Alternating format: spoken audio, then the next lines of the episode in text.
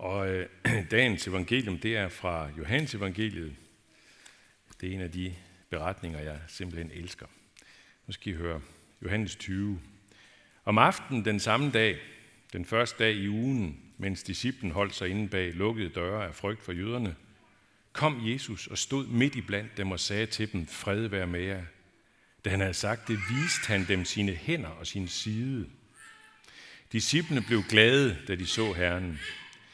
Jesus sagde igen til dem, fred være med jer. Som faderen har udsendt mig, sender jeg også jer. Den han havde sagt det, blæste han ånde i dem og sagde, modtag heligånden. Forlader I nogen deres sønder, er de dem forladt. Nægter I at forlade nogen deres sønder, er de ikke forladt. Thomas, også kaldet Didymos, en af de tolv, havde ikke været sammen med dem, da Jesus kom. De andre disciple sagde til ham, vi har set Herren. Men Thomas sagde til dem, hvis jeg ikke ser navlemærkerne i hans hænder og stikker min finger i navlemærkerne og stikker min hånd i hans side, tror jeg det ikke. Otte dage efter var hans disciple er der samlet. Og Thomas var sammen med dem.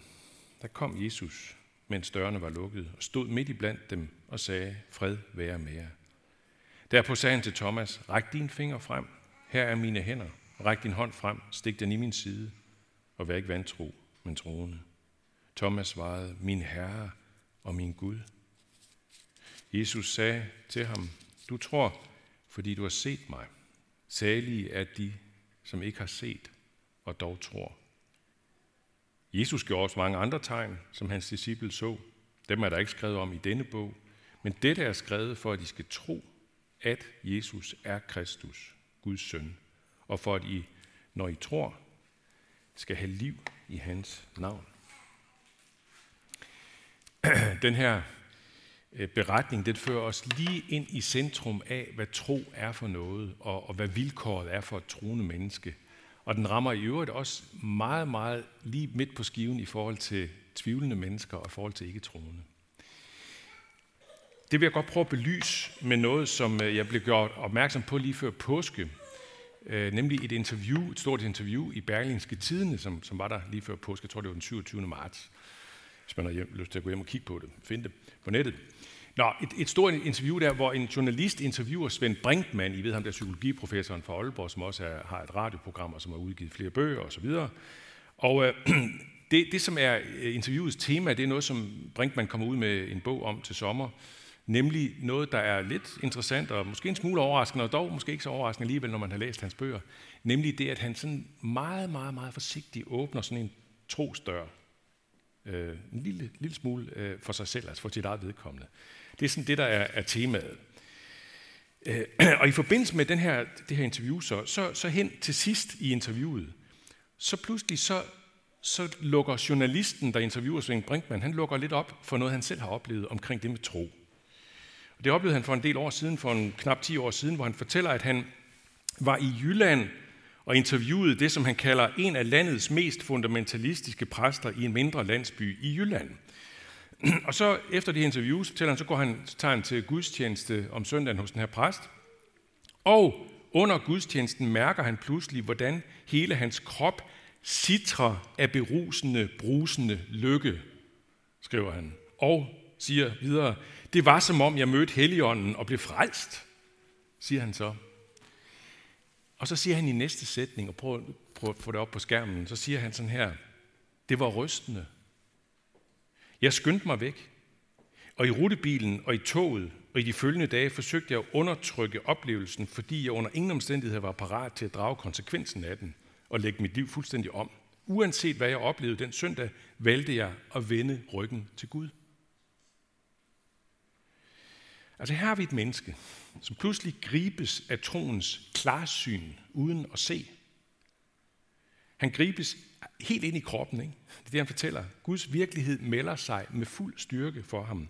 Så markant, at han kalder det, at han bagefter vender ryggen til Gud. Sådan siger han det.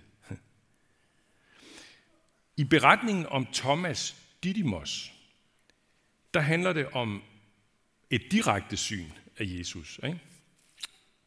Der, får, der, der ser øh, Thomas Jesus direkte, og det får ham til at vende 180 grader. Og det kan man jo godt forstå. Og man kan også godt tænke, altså, det skulle vi jo have lov til alle sammen, at få lov til at se Jesus på den der måde. så ville tvivlen få et kæmpe skud for borgen, ikke? Og, og, og troen ville bare melde sig for fuld musik i os.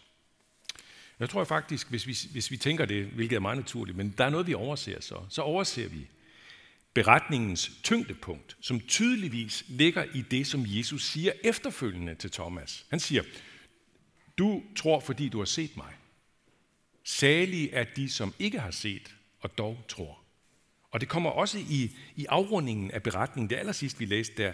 Jesus gjorde også mange andre tegn, som hans disciple så. Dem er der ikke skrevet om i denne bog. Men dette er skrevet for, at I skal tro, at Jesus er Kristus, Guds søn, og for at I, når I tror, skal have liv i hans navn. Der står det også. Alene gennem det skrevne, alene gennem det, vi, vi hører, alene gennem det at komme til en gudstjeneste og høre og lytte og, og tænke med, alene igennem det kan troen gribe os fra yderst til inderst, uden at se. Det skete jo for den her journalist, der kom til en gudstjeneste i en landsby i Jylland.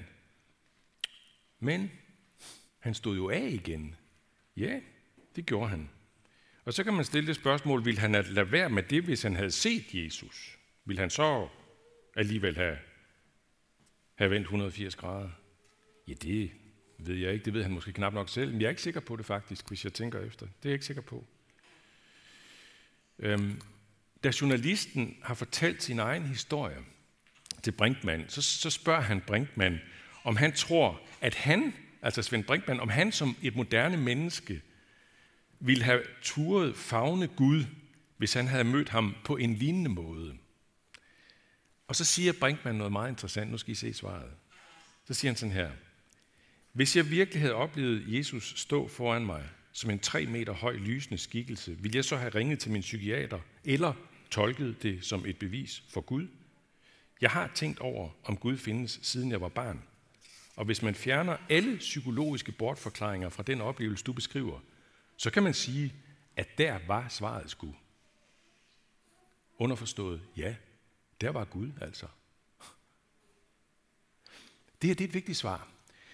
Fordi her siger psykologiprofessoren, at alt ikke er psykologi.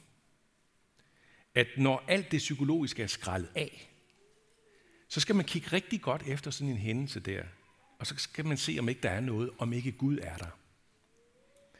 Men i det her svar, der ligger jo også, at man meget, meget nemt kan fristes til frafald. Eller fravalg hedder det. Til fravalg.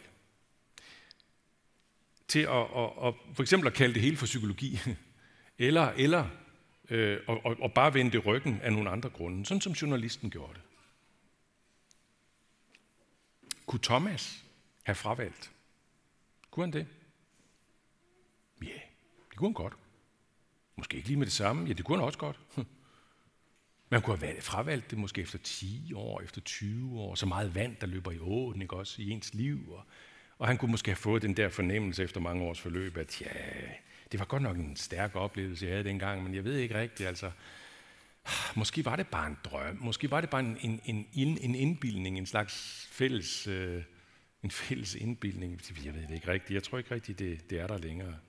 Eller han kunne have gjort som journalisten sådan set, han kunne også have vendt det ryggen sådan kort efter. Det kunne han have gjort. Så troen rummer også altid et valg. Det er mærkeligt med troen. Den er svær at sætte på en formel. Den kommer til os udefra kommer som en, en foræring på en måde, og samtidig er den et valg. Det kan man ikke sætte på en formel.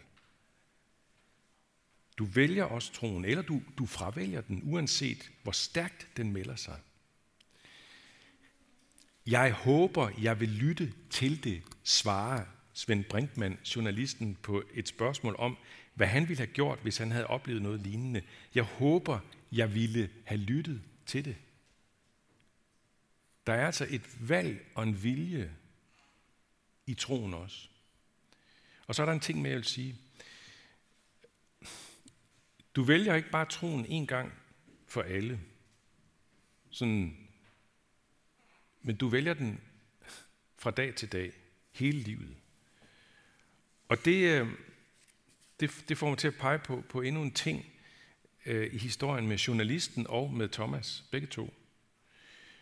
Nemlig det at, at vælge at gå troens vej, det kræver fællesskab. Ingen af os kan det uden fællesskabet med andre. Thomas fravalgte ikke fællesskabet, selvom han faktisk med god grund kunne have gjort det. Han kunne godt have sagt, når de nu kommer og fortalt ham, vi har set Jesus. Ej, altså, come on, altså. Vi har set, at han var stendød. Det er det, vi har set. Kom ikke med sådan noget der. Kære venner, det er slut. Jeg, jeg, jeg står af nu. Det kunne han med god grund have gjort, ikke? Det gjorde han ikke. Han blev hos dem, også søndagen efter, otte dage efter. Journalisten gjorde det modsat. Han vendte ikke bare Gud ryggen, men han vendte også gudstjenesten, gudstjenestefællesskabet ryggen. Fællesskab spiller en alt afgørende rolle for alle, for alle menneskers identitet og virkelighedsopfattelse og tro og livssyn. Vi formes alle som en fundamentalt af andres syn på tilværelsen. Det kan vi lige så godt erkende. Og vi bliver ved med hele livet og formes i fællesskabet med andre. Der er ikke nogen af os, der lever på en ø. Der er ingen af os, der er en ø. Hverken med eller uden tro på Gud. Og så skal jeg til at slutte, og det vil jeg bare slutte med en sidste ting. Øhm, hele den her historie med journalisten kom helt bag på mig, da det gik op for mig, at jeg var den fundamentalistiske præst, han havde interviewet i sin tid og havde været til gudstjeneste hos. Jeg, jeg havde glemt alt om det, men så dykkede jeg ned i det på nettet og fandt frem til det, og så var det det. Jeg anede ikke noget om, at han havde oplevet det der ved gudstjenesten. Jeg kan ikke engang huske, at han var der, men det var han så. Øh, det får mig til at sige, Kristus kan melde sig fuldstændig overvældende og virkeligt for en, som ikke tror på ham, ud af så lidt som en enkelt gudstjeneste. Jesus kan opstå i et menneskes hjerte og hjerne til tider og på steder, hvor vi næsten ikke kan forestille os, eller næsten ikke tør tro på, at det kan ske. Så hvad er der andet at sige til det end, tag bare din ikke-troende ven med til gudstjeneste her. Alt kan ske. Og derfor siger vi også i dag, lov, tak og evig ære være dig, hvor Gud, Far, Søn og Helligånd, som var, er og bliver en sand træen i Gud, højlået fra første begyndelse, nu og i al evighed. Amen.